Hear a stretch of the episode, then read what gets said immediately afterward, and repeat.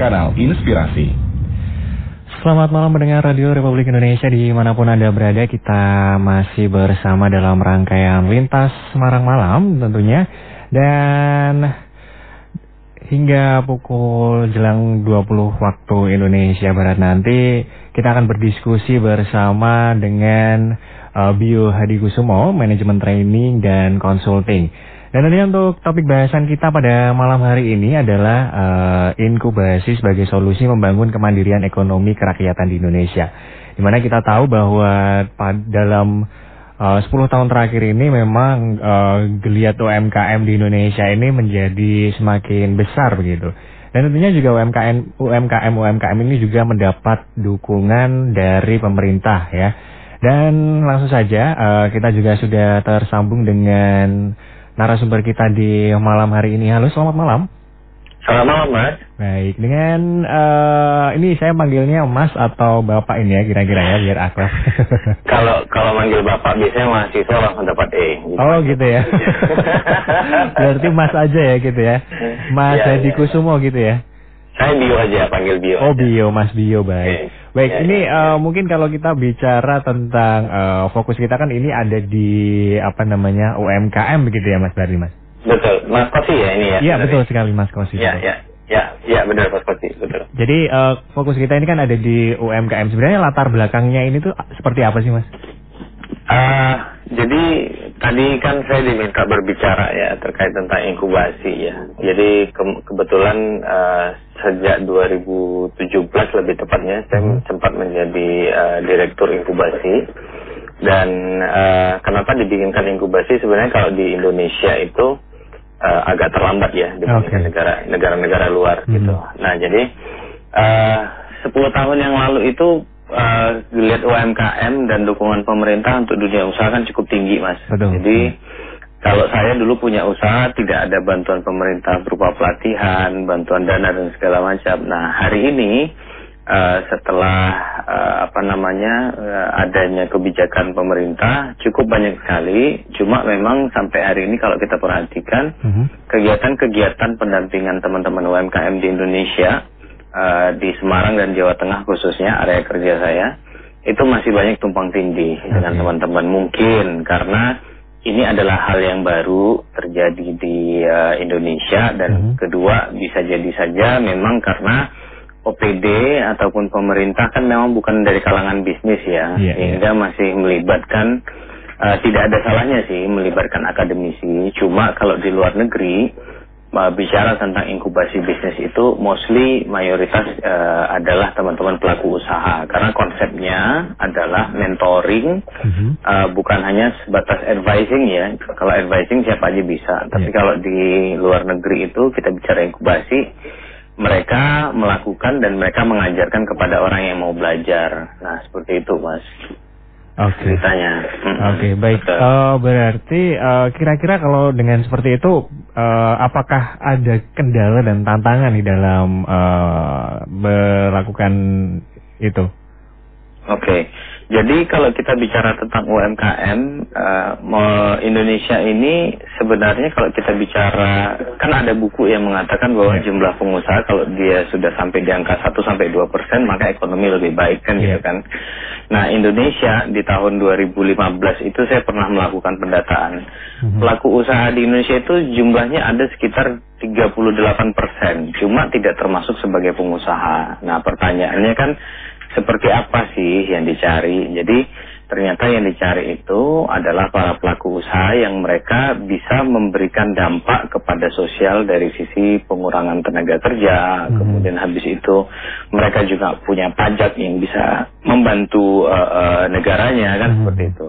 Hmm. Nah jadi kalau ditanya tantangannya, tantangan terbesar saat ini karena kita terbiasa diajarkan untuk berusaha, bukan diajarkan untuk memiliki organisasi usaha, jadi akhirnya banyak memang teman-teman pelaku usaha di lapangan, cuma ya untuk satu dua karyawan saja. Jadi hmm. ketika diajak misalnya nanti untuk uh, membantu atau uh, komit dengan membantu pajak, uh, mereka masih belum ready untuk ke sana. Secara mengurangi jumlah tenaga kerja mungkin, hmm. mungkin. Cuma kan kalau kita lihat perbandingan antara jumlah tenaga kerja terdidik dan yang tidak terdidik kan sebenarnya yang terdidik itu banyak. Nah, kok nggak keserap? Nah, karena memang mereka teman-teman pelaku usaha ini memperlakukan usahanya tidak secara profesional dan tidak seksi di mata lulusan gitu loh. Oke. Okay. Uh, uh, begitu. Nah, inkubasi itu adalah salah satu wadah bagaimana membuat teman-teman ini bolehlah uh, teman-teman ini UMKM, cuma mindsetnya kalau bisa corporate kan gitu. Okay. Jadi seperti halnya kayak negara tetangga kita yang cukup berkembang pesat yang sekarang menjadi role model uh, uh, apa ya role model uh, dunia industri bisnis hari ini ya bahkan Amerika pun takluk di kakinya mereka begitu gitu mas ceritanya mas Kosi. Oke okay, baik uh, kalau kita bicara tentang uh, UMKM berarti uh, kalau dilihat kan sekarang juga banyak sekali mungkin anak-anak uh, muda begitu yang yang sudah Betul. mulai uh, istilahnya merambah bisnis begitu kan mulai dari bisnis kecil-kecilan seperti itu. Apakah ini juga akan menaungi mereka juga? Ya, kalau kita bicara inkubasi bisnis uh, ada uh, elemen yang di cover untuk sebuah inkubasi bisnis itu intinya orang-orang mata duitan sih mas. jadi uh, jadi siapa pun dia baik dia secara pribadi atau mm -hmm. berkelompok layaknya usaha kelompok Kube misalnya ya kalau dari Kementerian Sosial kemudian habis itu ada koperasi itu harusnya masuk dalam sebuah uh, program inkubasi bisnis seperti itu. Oke. Okay. Uh, eh, apakah sejauh ini juga sudah mulai uh, terlihat begitu? Maksudnya apakah uh, banyak sekali UMKM UMKM yang sudah mulai memanfaatkan inkubasi seperti ini? Iya, kalau kita perhatikan uh, uh, tiga tahun terakhir ya, saya perhatikan sebagai uh, aktivis pemberdayaan juga, uh, negara kita ataupun pihak-pihak luar itu sudah mulai membangun inkubasi. Yeah. Kalau yang inkubasi dikelola oleh swasta, pada umumnya sih goals akhirnya mereka adalah melakukan pendanaan, ya okay. kan. Nah, sedangkan kalau pemerintah sampai hari ini Uh, saya tidak tahu secara pasti ya, uh, uh, cuma kalau dari hasil yang saya perhatikan, teman-teman itu indikator dan goalsnya akan lari ke mana, pertama belum terlalu uh, clear, uh, dan kemudian habis itu, itu yang saya katakan tadi, tumpang tindih uh, antar program itu juga akhirnya menjadi jadi membuat rancu. Jadi gini, uh, saya akan katakan beberapa program pelatihan ya. Program hmm. pelatihan belum tentu termasuk dalam program inkubasi ya.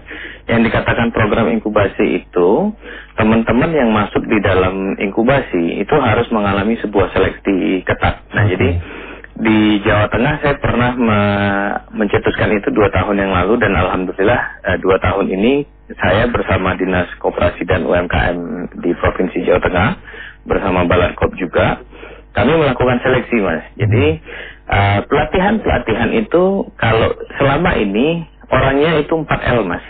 Apa itu? Lu lagi, lu lagi. Iya kan? Okay. Nah sedang, sedangkan ketika kita lakukan sebuah sortasi dan yeah. kita lakukan sebuah seleksi, itu akhirnya adalah orang yang uh, ikut di pelatihan itu berbeda-beda. Mm -hmm. Itu satu. Yang kedua, kita sampaikan kepada seluruh teman-teman yang ikut di dalam program rangkaian itu bahwa sedapat mungkin mereka hanya mengikuti satu program sampai khatam. Sedangkan selama ini yang terjadi di pemerintah entah OPD mana pun ya, uh-huh.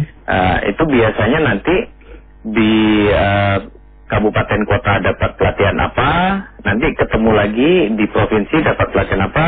Nah, jadi sehingga mereka itu jadi kayak uh, kurang efisien kali ya dan kurang hmm. efektif. Di samping nanti teman-teman pelaku ini karena terlalu banyak kelas yang dia ambil, akhirnya dia tidak tahu harus mempraktekkan dari mana gitu kan. Jadi uh, oke okay, secara niat untuk belajarnya bagus, hanya saja kapasitas slot pemikiran biasanya nanti akan bertabrakan toh. Nah sehingga akhirnya niat hati ikut dalam sebuah program pelatihan ujung-ujungnya malah bisnisnya ya terkapar begitu saja. Nah makanya dihadirkanlah sebuah gagasan inkubasi bisnis masuk, mereka disortasi berdasarkan kemampuan mereka, kemampuan bisnis mereka apa yang kurang. Oh marketing, oke okay, jangan ambil yang lain dulu sampai marketingnya kita khatamkan. Nah kayak gitu-gitu mas hmm, ceritanya. Okay. Dan itu uh, alhamdulillah di Jawa Tengah kami mendapat dukungan juga dengan Pak Gubernur ya Pak hmm. Ganjar Pranowo. Jadi selama 15 tahun terakhir saya kira mungkin satu orang gubernur ini yang cukup uh, signifikan ya dalam hal apa ya membantu teman-teman dan memberi support gitu loh berpikirnya kayak swasta bajunya baju pemerintah gitu lah. Oke. Okay. itu sebenarnya yang dicari sama anak muda sekarang sih sebenarnya. Betul. Berpikirnya swasta betul. dan uh, gajinya gaji pemerintah begitu ya. Iya benar benar. Oke. Okay. Karena kan hmm? gitu. Ya ya. Gimana mas monggo dilanjut Iya, kar karena uh, kalau kita bicara ya itu tadi sih uh, apa ya uh, yang harus diperhatikan juga itu terkait tentang mental sih mas ya okay. mental dan pola pikir yeah. jadi kalau selama ini banyak pelatihan tapi kan pelatihan itu kan setiap pelatihan orang yang berganti ya yeah. jadi kalau di dalam sebuah pola konsep inkubasi nggak bisa berganti yeah. jadi uh, pelatihannya orangnya itu nanti masuk lagi pelatihan yang sama cuma antar pelatihan antar pelatihan ada jeda waktu jeda waktu itu mereka akan diberikan tugas sebanyak mungkin yang itu adalah tugas untuk membenahi bisnis mereka dan mereka tuh nggak sempat mikir yang lain-lain lagi gitu loh. Okay. Jadi uh, itu akhirnya terpantau kalau di sebuah inkubasi seperti itu. Tapi kalau di di luaran sana yang saya temukan masih banyak yang istilahnya pelatihan lepas begitu. Okay. Nah jadi pemberian uh, materi tugas kemudian habis itu terkadang uh, bagi mereka mungkin kok ngurusin bisnisku sendiri kok harus sampai seribet ini sih tanggung jawabnya. Ya kita hanya akan menyampaikan bahwa mental dan kebiasaan sebagai seorang pengusaha yang berpikir bahwa usaha yang menghidupi ribuan orang itu harus kita miliki gitu loh. Hmm. jadi jangan hanya berpikir untuk hidup diri kita sendiri. Karena kita berbicara hari ini kayaknya kita cuma bikin pisang goreng. Tapi kalau pisang goreng ini di franchise kita sudah nuang Indonesia loh lebih baik kan begitu? Iya Baik, uh, nanti kita akan lanjutkan perbincangan kita di malam hari ini ya, Mas ya. Uh, ya dan kita ya. juga mengajak bagi pendengar juga yang ingin bergabung bisa di 08, 024 uh, 8316686 atau di WA di 0816666886. Nanti kita akan kembali lagi.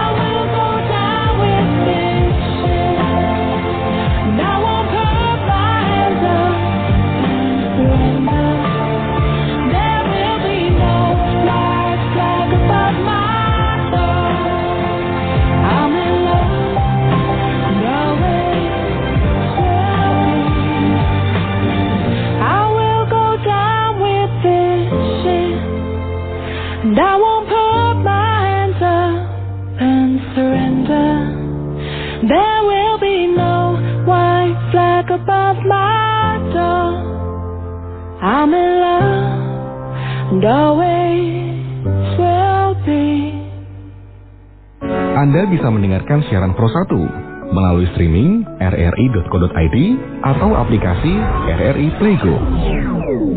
Baik mendengar Anda masih mendengarkan dialog interaktif bersama Bio Hadi Kusumo dengan topik bahasan kita malam hari ini adalah inkubasi sebagai solusi membangun kemandirian ekonomi kerakyatan di Indonesia.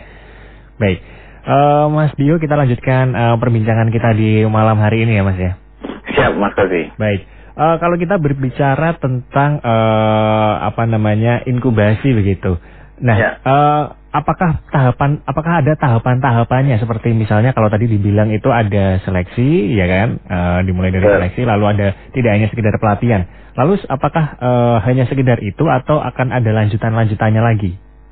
Sebenarnya kalau kita bicara tentang inkubasi ya atau kita bicara inkubator ya jadi mungkin uh, di istilah di Indonesia belum terlalu familiar adalah namanya business enabler. Business enabler itu adalah bagaimana semua ekosistem yang mendukung teman-teman pelaku usaha itu ada di, hmm. di inkubasi itu sendiri, mas. Jadi pertama uh, kita di Indonesia kan mengenal adanya pentahelix ya, yeah. pentahelix ya. Nah jadi uh, sedapat mungkin inkubasi ini juga menjadi tempat berkumpulnya uh, pentahelix ini terdiri dari pemerintah, swasta, akademisi, media dan komunitas seperti itu ya. Hmm. Nah tujuannya sebenarnya adalah begini. Uh, pemerintah pasti akan punya kepentingan terhadap pelaku usaha atau sebaliknya, hmm. ya kan? Nah, pertanyaannya adalah siapa sih yang memegang database dari keseluruhan? Makanya kenapa sebaiknya yang namanya uh, database terkait tentang pelaku usaha itu ada di tangan inkubator. Itu kami lakukan dulu waktu saya menjadi direktur uh, kementerian ya. Jadi ada inkubasi kementerian dan kita lakukan itu sehingga dulu seluruh stakeholder dari pemerintah itu koordinasi ke kita. Itu satu. Kenapa? Karena ketika pemerintah punya kegiatan, kegiatan itu nanti kan ada feedbacknya ke pelaku usaha. Pelaku usaha akan melaporkan kepada inkubasi. Hmm. Sehingga kita tahu nih progresnya dia uh, di luar program inti kita ya. Hmm. Program inti inkubasi kan pelatihan dan pendampingan ya. Oke. Okay. Nah, itu uh, baik Mas, kita uh, potong dulu saja karena ini ada yang masuk ya. melalui telepon kita, mungkin ada yang ingin bertanya begitu. Oke. Okay. Baik, halo selamat malam Mas Bara. Selamat malam Mas Kosia. Iya betul. Ini. Selamat malam. Malam, ini. Mas Iya. Ini inkubasi atau apa ya Mas? Betul ya. betul. Ya saya, saya mau nanya, ini setahu saya itu pembisnis itu ada namanya Leonard Leo Sabatra penemu ya. kursi akupuntur.